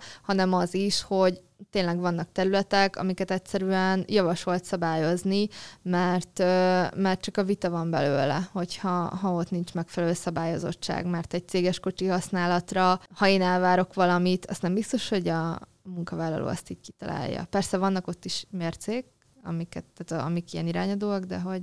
De akkor ez a ridegség, ez igazából a jogszabálynak való teljes mértékű megfelelésből is valamilyen szempontból adódik. Tehát egy, ezt a ridegséget ezt nem is lehet teljes mértékben felróni egy, egy ilyen nagy, nagy multivállalatnak, mert ez, ez kb. adódik ebből. Nagyjából igen, szerintem igen. Tehát, hogy, hogy én azt gondolom, hogy nyilván a, a multiknál azért más a, más a munkakörnyezet, más a munkavégzés módszere. Persze soka, sokan nem szeretik ezt a, ezt a túlszabályozott légkört, de sokszor egyébként pont azért van, hogy ott legalább tényleg mindkét fél tudja akkor, hogy mi az irányadó, és akkor az abból ki tudunk indulni. Mert bennem ez mindig eh, felmerült ilyen kérdésként, hogy miért van ennyire túlszabályozva, és én mindig azt hittem, hogy egy eh, szimplán gazdasági érdek miatt, de most egyre inkább kezdem érteni, ez, ez lehet egy nagyon erős jogi motiváció is. Hogy... Gazdasági és jogi, igen. Tehát, hogy pont emiatt, hogy náluk ne, ne forduljanak elő, vagy legalábbis minimalizálják azokat a kockázatokat, amik előfordulhatnak. És uh, hogyan kell egy munkáltatónak uh, munkarendet tervezni, vezetni, és ennek és milyen szabálynak kell itt megfelelni? A, a munkarend, meg maga a munkaidőbeosztás, meg a munkaidő, az, az konkrétan így a legbonyolultabb szelete a munkajognak, tehát arról szerintem így napokon át lehetne beszélni, és, és szerintem azt, azt úgy lehetne róla beszélni, hogy azért kicsit így követve az MT-t, mert minden elismerésem annak a munkajogásznak, aki felkel, és akkor ezt így tudja kívülről és mondja, az tényleg egy nagyon-nagyon komplex terület. Itt beszélhetünk ugye általános munkaidőről, vannak különböző munkaidőbeosztási formák, ilyen az egyenlőtlen munkabeosztás, a kötetlen munkarend. Ugye a kötetlen munkarend pont felmerül megint a távmunkavégzésnél, azért van most ez is így nagyon a, a gyakorlatban, vagy azért vagy nem tudom, így ö, hozzám így érkeztek be ezzel kapcsolatban így kérdések, tehát így kötetlen munkarendről, meg hogy, hogy egyáltalán mi a jelentősége. Tehát, hogy ez egy ilyen nagyon, nagyon külön terület. Itt az a lényeg, hogy mindig az adott munkáltatóra legyen szabva. Tehát például árufuvarozás, szállítás, ott legtöbbször ugye munkaidőkeretet alkalmaznak, pont azért, mert egy kamionos munkája az nem úgy működik, mint mondjuk egy, egy, egy boltot üzemeltető munkáltatónál, hogy akkor ott megvan, hogy hétfőtől péntekig van a nyitvatartás, vagy egy klasszikus teljes munkaidős irodai általános munkarendnél, hogy akkor hétfőtől péntekig reggel 9-től 5-ig, ott már máshogy alakul, ott már munkaidőkeret van, vagy elszámolási időszak van, tehát ez tényleg ez így nagyon-nagyon sokféle lehet, és, és mindig attól függ, hogy vagy akár a gépiparban, ott, ahol mondjuk olyan szektorról van szó, ahol mondjuk 24 órán keresztül mennek a gépek, tehát ezeket mindig így, ezeket úgy rendesen össze kell rakni, oda kell rá figyelni. Itt is érdemes egyébként ügyvédi segítséget igénybe venni, ha így elakadunk, mert mert emögött is szerteágazó szabályok vannak, hogy miknek kell megfelelnie, de ez tényleg borzasztó részletes, tehát hogy így nehéz is így kiragadni bármit ebből. És például egy jelenléti évnek eh, mennyire fontos szerepet, szerepet tud lenni, mert eh, sokan csinálják ugye azt, hogy csak a hónap végén mindenki csak aláírja, el van intézve, hogy erre kell-e külön figyelni, vagy érdemese? Érdemes, abszolút érdemes, tehát hogyha megvan így a, a technikai eszköztára a munkáltatónak arra, hogy akkor ezt tudja monitorozni, hogy nem csak hó végén, hanem mondjuk lássa a hó közepén is, időközben is azt, hogy valóban munkát végzette a munkavállaló, és mennyi munkát végzett, akkor azt azért érdemes ellenőrizni, monitorozni, mert később akár ugye ezzel kapcsolatban lehetnek visszaélések is, tehát hogy, hogy tipikusan most tényleg csak így kiragadva mondjuk egy rendkívüli munka munkavégzés, ez a túlóra, csak ugye a köznyelvben így futott be, hogy túlóra, Ö, ott például tipikusan ezek megjelenhetnek, hogy akkor aláírta, nem írta alá, milyen órában írta alá, hol végzett, tehát, hogy általában ilyen bizonyítási szerepe van, tehát peres eljárásoknál például kifejezetten bizonyítási eszközként lehet igénybe venni, tehát nem tekinthetünk úgy rá, mint egy ilyen sajtpapírra, hanem de én azt hallottam, hogy elvileg a hiánya az a munkavállaló számába, számára akár egy fegyvert is tud adni, hogy akkor ő azt mondhat, amit, amit gondol egy, egy, egy perbe, vagy ez, ez nincsen így? Hát én ezt, én ezt így nem annyira tapasztaltam. Tehát inkább az a fordítottja volt, hogy mondjuk a munkavállaló igazát ö, támasztotta alá, tehát a munkavállalónak konkrétan kedvező volt az, hogy ő be tudta mutatni, hogy mikor végzett munkát, pontosan hogy végzett munkát, onnan akkor már lehetett levezetni azt, hogy akkor esetlegesen ez rendkívüli munkavégzésnek minősül-e. Főszabály szerint ugye azt csak a munkáltató rendelheti el, viszont arra is van bírói gyakorlat, csak azt nagyon nehéz bizonyítani, hogyha indokoltan ö, merült fel a munkamennyiség, a munkáltató utasított erre, és, ö, és, és a tudta beleegyezésével történt a munkavégzés, azt például minősítheti bíróság rendkívül munkavégzésnek, de az azért ez egy szűk kör, meg itt mindig nagyon nehéz bizonyítani. Ö, fordított esetben annyira én nem látom, hogy ott ez, ez miért lenne fegyver a, a munkavállalónak, meg ez a munkáltatónak is jó. Tehát volt olyan, ugye, ahol ezzel tudta bizonyítani, vagy ezzel ö, bizonyítja, hogy, ö, hogy megszüntetésre került biztosan a munkaviszony. Nem csak ezzel, csak hogy ez is így egy ilyen plusz a, mennyi ideig köteles egy munkáltató megőrizni a bizonyítási kényszer miatt papírokat egy ilyen ö, munkaviszony miatt? Úgy van, hogy a, az öregségi nyugdíjkorhatár betöltését követő öt évig köteles, így jogszabály szerint, viszont itt is ugye legtöbbször, amikor probléma merül fel, az akkor történik, amikor már nyugdíjba vonulna a munkavállaló, és akkor derül ki, hogy nincs meg a, az a szolgálati év, ami az ő nyugdíjba vonulásához szükséges. Most már itt a digitalizáció, meg, meg azért teljesen más ö, világot élünk ahhoz, hogy mondjuk előforduljon egy olyan, de a mai napig felmerül ilyen, hogy mondjuk régen, amikor tényleg minden papír alapon volt, és mondjuk kiderül, hogy, hogy elveszett X okirat, amit mondjuk a könyvelő akkor ezer éve, vagy nem ezer éve, de hogy nyilván nem most, mondjuk nem, nem gyújtott be megfelelően, vagy például volt olyan ügy, és akkor az, az nagyon érdekes volt, hogy ott az volt kérdés, hogy egyáltalán munkaviszonynak minősült mert volt ilyen külföldi elem, és ott például az azért volt fontos a munkavállalónak, mert nem volt meg a szolgálati ideje. És, és pont ezért érdemes ö, akár ezen túlnyúlva megőrizni ezeket az iratokat. Ö, volt erről egy ilyen ö, gyakorlat, meg, meg egy ilyen elfogadott ö, valami a, a GDPR rendeletnek a hatályba lépése után, hogy akkor egy ilyen 80 éves megőrzési kötelezettség. Ez most ilyen ijesztőnek tűnik, de, de van, amikor az javasolt egyébként így rögzíteni a szerződésben. És a munkáltatónak is erre ez vonatkozik, vagy a munkáltatónak meddig kell köteles? Ez a munkáltató. Tehát ez a, ez a munkáltató, a, az, hogy a munkavállaló megőrzi, ő, nyilván a munkavállalónak is meg kell őriznie, de azért egy szolgálati idő igazolásánál ott alapvetően ott Nyilván a munkavállaló az érdekelt, de az az ő érdeke, hogy elszámoljon a hatóságok felé is azzal. Tehát, hogyha egy munkáltató alkalmaz valaki 18 évesen, akkor egészen 80 éves, vagy nem tudom, 70 éves koráig köteles megőrizni a papírokat? Hát nem, nem az öregségi nyugdíjkorhatár betöltését követő 5 évig köteles, én csak azt mondtam, hogy mi javasolt. Ah. Ez, ez inkább javaslat. Tehát a legtöbb ilyen elévülési idő az ilyen három év, öt év, vagy, de hát, ez, ez, ez, az, ez az alól teljesen kikerül. Úgy van, hogy ezt a társadalombiztosítási szabályok ö, tették ezt lehetővé, vagyis hát oda köthetőbe, de ettől függetlenül ö, azt is például sok helyen alkalmazzák, hogy olyan munkajogban három éves az elévülés. Tehát a, a PTK szerinti a polgári jogi jogviszonyokban ott az általános az öt, de ott is vannak azért kivételek jó számmal, viszont munkajogban három éves elévülési időről beszélhetünk, tehát lehet, hogy azért nem, csak ez nekem nagyon furcsa volt, hogy a, és hogyha például bezárja valaki a cégét, akkor is köteles utána hogy megírni a papírokat, vagy? Ez, ez már így, ez már inkább ilyen adatvédelembe hajló. Tehát, hogy van egy ilyen munkajogot érintő iratmegőrzés, de ez már inkább ilyen adatvédelmi kérdésekbe is hajlik. Tehát. Csak ebbe szerintem, én biztos eddig nem gondoltam bele. Uh-huh. Hát igen, ebbe így nem annyira sokan. Felmondhat egy munkáltató a gyengén terjesítő kollégájának, és hogyan, hogyan lehet ezt úgy csinálni, hogy ezért később ne lehessen őt perelni? Hát igen, ez, a, ez az utóbbi kérdés, ez szerintem ez, ez merül fel így a leggyakrabban, hogy hogy csináljam úgy, hogy ne pereljenek be. Ö, fel lehet mondani gyengén teljesítő kollégának, de korlátok között és meghatározott szempontok szerint.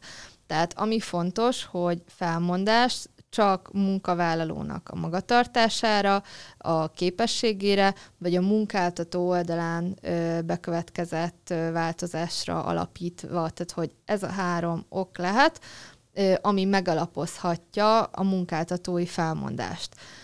Most, hogyha én azt mondom, hogy a a munkavállaló gyengén teljesített, nem megfelelő a munkavégzése, az mindig egy ilyen ingoványos talaj. Tehát az így a gyakorlatban is nem nagyon szoktuk javasolni, még akkor is, hogyha nagyon rosszul teljesít a munkavállaló. Nem nagyon szoktuk javasolni, mert nehéz és, és sokszor ugye vitatható, tehát ezen azért gondolkozni kell. Amit fontos tudni, hogy például ebbe a körbe tartozik a, a képesség szintjén mondjuk a, az egészségügyi alkalmasság, ez szokott még felmerülni, ö, ott, ö, amibe bele szoktak futni ö, munkáltatók, hogy sokszor mondjuk egy ilyen általános orvosi véleményre alapítanak egy felmondást, ez helytelen, ez, ez nem jó, tehát ott munkakörhöz köthető szakorvosi vélemény kell, üzemorvosi vélemény, és egyébként ez az eljárás is, amit ilyenkor igénybe kell venni, ez is egy kétfokú eljárás,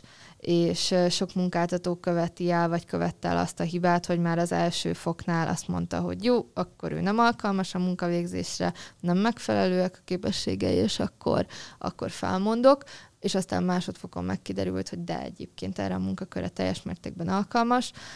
Ezeket a szabályokat be kell tartani, illetve, és arról szerintem még nem beszéltünk, hogy itt a felmondások indokolása kapcsán van egy ilyen nagy hármas szabály. Ez az, hogy a felmondás indokolásának világosnak, valósnak és okszerűnek kell lennie.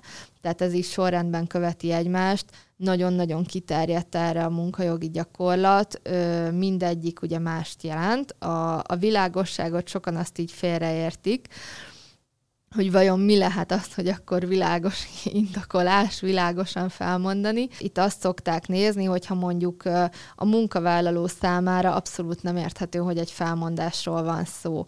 És bármilyen furcsán hangzik, van olyan szituáció egyébként, igen, amikor mondjuk annyira sokkos állapotba kerül a munkavállaló, vagy tényleg nem magyarázzák el egyszerűen megfelelően, hogy igen, ezzel meg fog szűnni a munkaviszony, ez egy felmondás, akkor például megállhatja a helyét. Ez a legszűkebb kör, tehát erre a kúriának, ugye régen legfelsőbb bíróságnak hívták, most már azért jó ideje kúria. Ez egy szűk kör, amire van, van esetjoga, meg eseti döntései, ami már viszont nagyon gyakori, és ez így az egyik legnagyobb szelete a munkajognak, a jogviták szempontjából, az, a, az mindig ugye jogellenes felmondás, és akkor a valóság meg az okszerűség az, hogy, hogy való, valósnak kell lenni az indoknak, azt szerintem így annyi. Tehát, hogy aztán ebből van a leghosszabb bizonyítási eljárás egyébként, hogy valóban ö, helytálló azok, vagy sem, mert ugye sokszor hivatkozik például a munkáltató átszervezésre, holott teljesen más a, a valódi indoka. Az okszerűség pedig azt jelenti, hogy nem elég, hogy világosnak és valósnak kell lennie, hanem egyszer mind okszerűnek is. Ez ugye azt jelenti gyakorlati szinten, hogy ha mondjuk olyan munkaköre van a munkavállalónak, ahol, ahol nem számít annyira 5 perc késés, és én csak emiatt az egy miatt felmondok, az nem biztos, hogy okszerű, sőt, az szerintem nem lesz okszerű.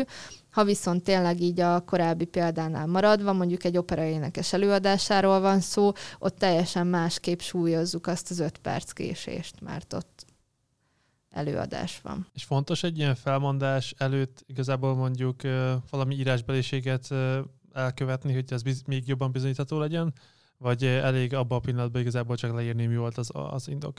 Ez mindig attól függ, mert itt ugye sokszor például az írásbeli figyelmeztetések, azok alá tudják támasztani a rendes felmondásoknak a, az indokolását. Ugye itt el kell különíteni megint a rendes felmondást és az azonnali hatája történő felmondást.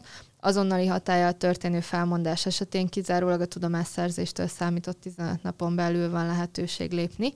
Tehát, hogyha én tudomást szerzek arról a cselekményről, ami tényleg lehetetlenné teszi a munkaviszonyt, és súlyosan vagy, tehát hogy szándékosan vagy súlyos gondatlansággal megszeg valamilyen munkaviszonyal kapcsolatos kötelezettséget a munkavállaló, mert ugye ezek azok az indokok, amik megalapozhatják az azonnali hatályú felmondást, akkor ott figyelnem kell arra, hogy nem nyúlhatok túl ezen a 15 napon. Tehát akkor 15 napon belül kell megtörténnie ennek a, ennek a közlésnek. A rendes felmondásnál pedig ott ha, ha volt mondjuk öt írásbeli figyelmeztetés, az egy ilyen háttérindokként, bizonyítékként szolgálhat, amire itt mindig figyelni kell, hogyha maga az írásbeli figyelmeztetés az egy ilyen, egy ilyen kvázi megtorlás jellegű, vagy nem megtorlás, ez, ez nem jó szó, hanem egy szankciós, inkább szankciós jellege volt, akkor, akkor ne ütközzünk a kétszeres értékelés tilalmába. Tehát ez azt jelenti, hogy nem alkalmazhatjuk kétszer ugyanazt, nem duplikálhatjuk. Tehát ez nem lehet, hogy én egyszer már szankcionáltam a munkáltat, vagy a munkavállalómnak a magatartását azzal, hogy írásban figyelmeztettem erre meg arra, majd ugyanerre az okra én felmondok, viszont azt csinálhatom, hogy egyszer már figyelmeztettem erre vagy arra, majd másodszor egy nagyon hasonló dolgot csinál.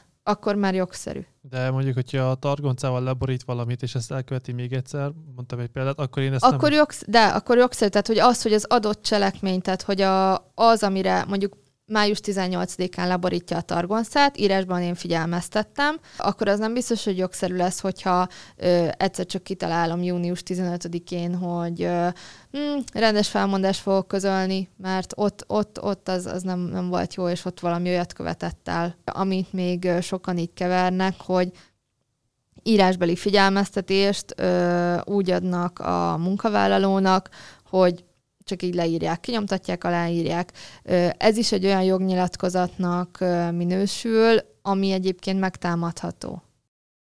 De hogyha az, az tehát hogy itt, itt már akkor erre kell a figyelmeztetésekre nagyon figyelni. Igen, igen, tehát itt arra, hogy van egy ilyen... a figyelmeztetések, az ok valós nem volt megtámadva, akkor az már egy nagyon jó alapot tud biztosítani egy, egy valós Az, az lehet egyébként igen egy jó alap, tehát hogy az például lehet egy jó alap, hogy volt mondjuk egy megfelelő írásbeli figyelmeztetés, megfelelő jogorvoslati kioktatással. Itt ez alatt azt értem, hogy mindig tájékoztatni kell a munkavállalót arról, hogy hol tudja megtámadni ezt a nyilatkozatot, hány napon belül tudja megtámadni, és mi ennek a jelentősége, és akkor mondjuk nem támadja meg, és később bekövetkezik egy, egy teljesen hasonló, amire én már figyelmeztettem, már ötször figyelmeztettem őt, de még mindig nincs fejlődés, akkor igen, az, az tényleg egy ilyen valós, valós indokolást, azt abszolút megalapozhat. És egy ilyen figyelmeztetés, akár írásbeli, szóbeli, annak, annak mik a keretei? Egy ilyen mikor adható? Ez abszolút munkáltató mérlegelési jogkörétől függ, tehát azért a, az MT hagyott a munkáltatónak is mozgásteret, hogy ne, ne minden ilyen nagyon strikt módon kerüljön szabályozásra. írásbeli figyelmeztetésnél arra kell vigyázni, amit, amit említettem, hogy ne forduljon elő, tehát hogyha már írásba öntöm, és már nem csak szóban mondtam, akkor az már egy olyan egyoldalú nyilatkozatnak minősül, amit megtámadhat a munkavállaló. És erre kell figyelni. Hogy szóban nekem nem kell azt elmondani, hát szóbeli mit támad meg, hanem, hanem az írásbelinél ott mindig tájékoztatnom kell az ő jogorvoslati lehetőségeitől. Tehát én nem zárhatom el a munkavállalót az igényérvényesítéstől azzal, hogy nem tájékoztattam, hogy erre lehetősége van egy munkavállaló, ha fel akar mondani, akkor ezt egy munkáltató megtagadhatja es- valamilyen esetben? Hát nem. Tehát, hogy ez, ez olyan, hogy most, hogyha a munkavállaló eldöntötte, hogy ő már pedig közli a felmondást, azt így mm, mondjuk az átvételét, tehát hogy mondjuk személyesen írja meg az ő felmondását, és mondjuk bemegy a főnökéhez, és akkor át akarja adni, ott a főnöke mondhatja azt, hogy jó, akkor én megtagadom az átvételt, de ennek egyrészt nincs sok értelme, másrészt, ha meg meg is tagadja, azzal okoz bajt mondjuk a munkavállalónak, hogy a felmondások közlésénél ez egy kiemelkedően fontos szabály, hogy közlésre alkalmas legyen. Ez azt jelenti, hogy a címzetnek hozzáférhetővé kell, hogy váljon. Tehát, ha például én úgy küldök egy e-mailt, tehát, hogy nem papíralapon mondok fel, hanem csak egy írok egy e-mailt a főnökömnek, és én nem tudom bizonyítani azt, hogy azt kézbesítettem, nem tudom bizonyítani azt, hogy neki ez hozzáférhetővé vált, akkor, akkor nem biztos, hogy felmondtam, nem biztos, hogy jogszerű volt a felmondás, én meg abban a hitben vagyok, hogy ez jogszerű volt, tehát ilyenkor, ha például megtagadja a munkáltató azt, hogy átveszi a, a felmondást, akkor célszerű akkor postai úton tértivevényesen, vagy most már a gyakorlat kezdi elfogadni így a DJ szolgáltatások útján átvett okiratokat is.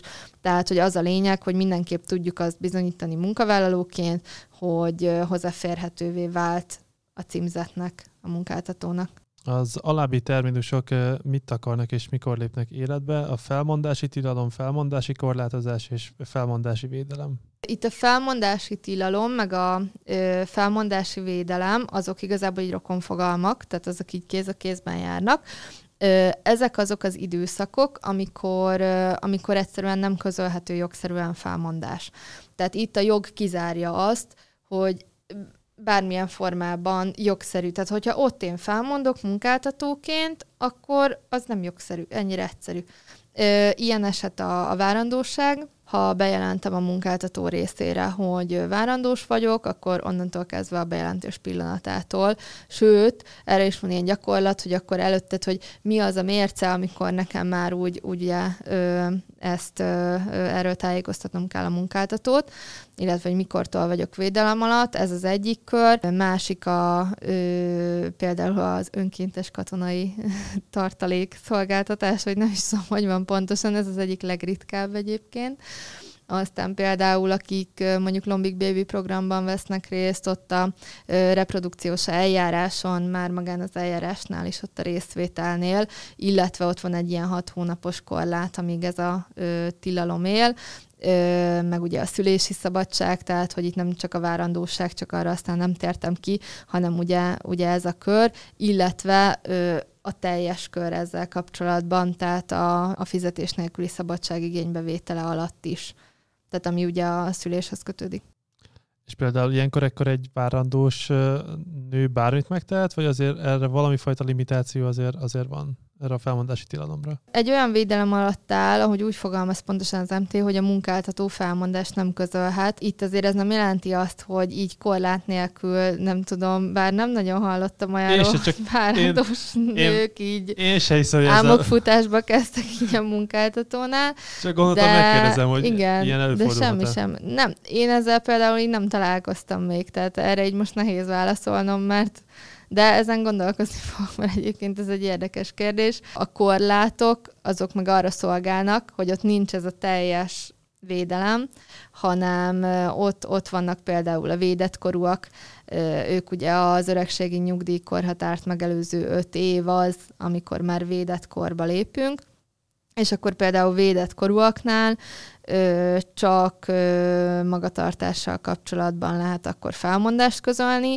Ha esetleg mások van, tehát például átszervezéssel kapcsolatos ö, ok merül fel, tehát hogy magatartás per képességgel lehet, de hogy már átszervezéssel kapcsolatos ok merül fel, akkor ott már van egy ilyen állásfelajánlási kötelezettség, tehát ott a, a munkavállalónak fel kell ajánlanom, ha van, tehát hogy, és ezt is akkor bizonyítani kell, más olyan munkakör a cégnél, amire ő egyébként végzettségének, képzettségének megfelelően alkalmas, vagy pedig azt is akkor, hogyha mondjuk ezt visszautasítja, azt is megfelelően okiratokkal aztán bizonyítanom kell. Tehát itt az a lényeg, hogy ezért korlátok, meg ezért felmondási korlátok, mert ott ezek már így megvalósulnak. Ha azonnali segítségre van szüksége valami nagyon fontos információ miatt egy munkáltatónak, akkor szabadság alatt vagy munkaidő lejárta után köteles-e felvenni például a telefont a, a munkavállaló? Vagy? Kötelesnek nem köteles. Itt van itt ugye ugyanígy egy ilyen általános együttműködési mérce. Alapvetően a munkaidő végéig kell rendelkezésre állni. Tehát a, a munkabeosztás síránt szerint kell nekem rendelkezésre állnom, Utána nem köteles felvenni a telefont, viszont itt azért tényleg így a, az, ez olyan, hogy eldönti a munkavállaló. Nincs annak szankciója, ha nem veszi fel. Tehát, hogyha nem tudom, este hétkor, nyolckor ö, hívogat a, a főnököm, de mondjuk ötig volt a munkaidőm, akkor én nem vagyok köteles felvenni, ennek nincs egyébként ö, hivatalos módon szankciója, de hogyha mondjuk egy olyan időszakos projektről van szó, ahol, ö, ahol egy ilyen fokozott együttműködés elvárt, akkor, akkor ott nyilván jó, hogyha ha ezt így megteszi a munkavállaló, de abszolút nem köteles rá, tehát hogy nem, nincsenek ezzel kapcsolatban ilyen kötelezettségei. Beszéltünk a kötetlen munkarendről is, és egy ilyen kötetlen munkarendet hogyan lehet ö, megfelelően leszabályozni, mivel, mivel ugye kötetlen. Tehát hogyan lehet egy ilyen, ilyen, ilyen munkarendet meg, megfogni munká, munkavállalói oldalról, vagy munkáltatói oldalról? A kötetlen munkarend ugye az is egy ilyen munkabeosztási forma, ennek ugye az a lényege, hogy attól még a munkavállalónak ugyanúgy mondjuk napi 8 órás, napi 4 órás vagy 6 órás attól függ, hogy, hogy milyen a foglalkoztatási formája. Ugyanúgy ez irányadó magára a munkarendre, csak ugye a, kötet, a kötetlen munkarend valósul meg, aminek az a lényege, hogy ott magát a munkavégzésnek az idejét, ezt engedem át lényegében a munkavállalónak. Tehát ugye a munkáltatónak az egyik fő jogosítványa az az, hogy megszabja azt, hogy, hogy mikor kell munkát végezni, mikor kell rendelkezésre állni, mikor legyen ott a, a munkavállaló. Kötetlen munkarendnél ez az, amit lényegében átengedek teljes mértékben én a munkavállalónak, ez nem azt jelenti, hogy ha mondjuk van egy fontosabb értekezlet, akkor én ne hívhatnám be őt, tehát ezt azért tudni kell, hogy kötetlen munkarendnél is ugyanúgy vannak kötelezettségei a, a munkavállalónak, mert akkor ugye teljesen elengednénk ezt, a, ezt az utasítási jogot. Itt arról van szó, hogy az utasítási jog szűkül, és, és ennek az utasítási jognak az egyik fontos részjogosítványát adja át a, a munkáltató a munkavállalónak, és akkor itt szokott felmerülni az, hogy, hogy hol foghatja meg ezt a munkáltató. Hát ott foghatja meg, hogyha mégsem akar ő kötetlen munkarendet, mondjuk egy távmunkavégzés esetén, arra egyébként van lehetőség, csak akkor, akkor arra térjenek ki a munkaszerződésben a felek. Mert ott például jogszabály szinten van az meghatározva, hogy az az alapfelállás, hogy ott kötetlen lesz a, a munkarend, de ettől el lehet térni, és akkor azt például meg lehet csinálni, hogy egy távmunkavégzés kapcsán is ö, akkor álljon rendelkezésre a munkavállaló, illetve akkor végezzen munkát, ö, ami mondjuk a törzsidő a munkáltatónál. Ö, kötetlen, hogyha viszont megmarad ez a kötetlen munkarend, akkor ott tudomásul kell venni, hogy én átengedtem ezt a, ezt a részjogosítványt. Tehát ott az a lényeg, hogy elvégzésre kerüljön a munka, amikor, amit átengedtem. Az utolsó kérdéskör az meg szerintem azért, azért érdekes, mert egy munkáltatónak, ugye annak a, a vezetőjének, mondjuk egy ügyvezetőnek, ugye elég nagy felelőssége van a vezetéssel kapcsolatban, és ezt a felelősségnek egy bizonyos részét át tudja hárítani egy munkavállalóra, aki mondjuk hibázott vagy balesetet követett el. Ez sokrétű kérdés egyébként, mert uh, itt sokféle felelősségi forma megjelenik. Ami a legfontosabb, az az, hogy el kell különíteni polgári jogi felelősséget egy ügyvezető esetén, meg el kell különíteni azt a felelősségi rendszert, ami a munkáltató és a munkavállaló között jelenik meg munkajogi felelősségi rendszer körében. Ezt el kell különíteni. Ha például az én munkavállalóm úgy okoz kárt, hogy mondjuk határidőre kell valamit szállítanom, viszont összetöri saját hibájából a csomagokat, meg az árut, a szállítmányt, akkor nekem a harmadik személy felé, nem az ügyvezetőnek személyesen, hanem magának a cégnek, a társaságnak meg kell téríteni ezt a kárt. Tehát azt nem lehet, hogy rögtön ö, kihelyezzem a munkavállalót ebben, hanem, hanem ott, ö, ott neki kell felelősséget vállalnia, viszont ez a kár, ez tovább hárítható. Tehát ez nem azt jelenti, hogy a, a munkavállalón én nem kérhetnék számon valamit. Ugyanúgy létezik, sőt, az is, az is tényleg egy ilyen nagy szelet a kártérítési perek, meg a, a munkaügyi kártérítési perek, meg ezek az ügyek, mert, mert ott is tovább lehet hárítani ezt a kárt. Na most, ami még megjelenik itt ugye egy ügyvezető felelősségénél, az az, hogyha mondjuk, tehát ugye ügyvezetői tisztségek kétféle módon ö, lehet ellátni, vagy megbízási jogviszonyban, a, B munkaviszonyban. Tehát maga az ügyvezető is lehet munkaviszonyban, ö, akkor ő viszont ö, vezetőállású munkavállalónak minősül.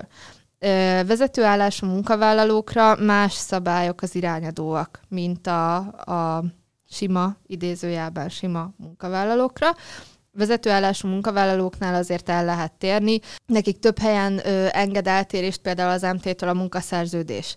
Tehát ö, a, a beszélgetés elején ö, beszéltünk erről a, az MT kógenciáról, meg arról, hogy nincs nagyon eltérés, de a vezetőállású munkavállalóknak pont van. Tehát ott, ott pont van egy kis ö, szabad mozgástér, Ö, ott például szintén így érdemes ö, ügyvéddel átnézetni, hogy akkor ö, mi az a felelősségi rendszer, amiben az ügyvezető a cég felé felel, mint munkavállaló.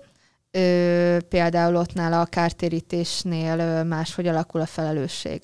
Tehát míg egy, ö, egy munkavállalónál gondatlanul ö, okozott kár esetén ö, maximum négy havi távolléti díjjal felel a főszabály szerint a sima munkavállaló, és akkor kollektív szerződés egyébként itt is eltérhet 8 hónap, de az, az megint egy más tészta, azt ne keverjük ide.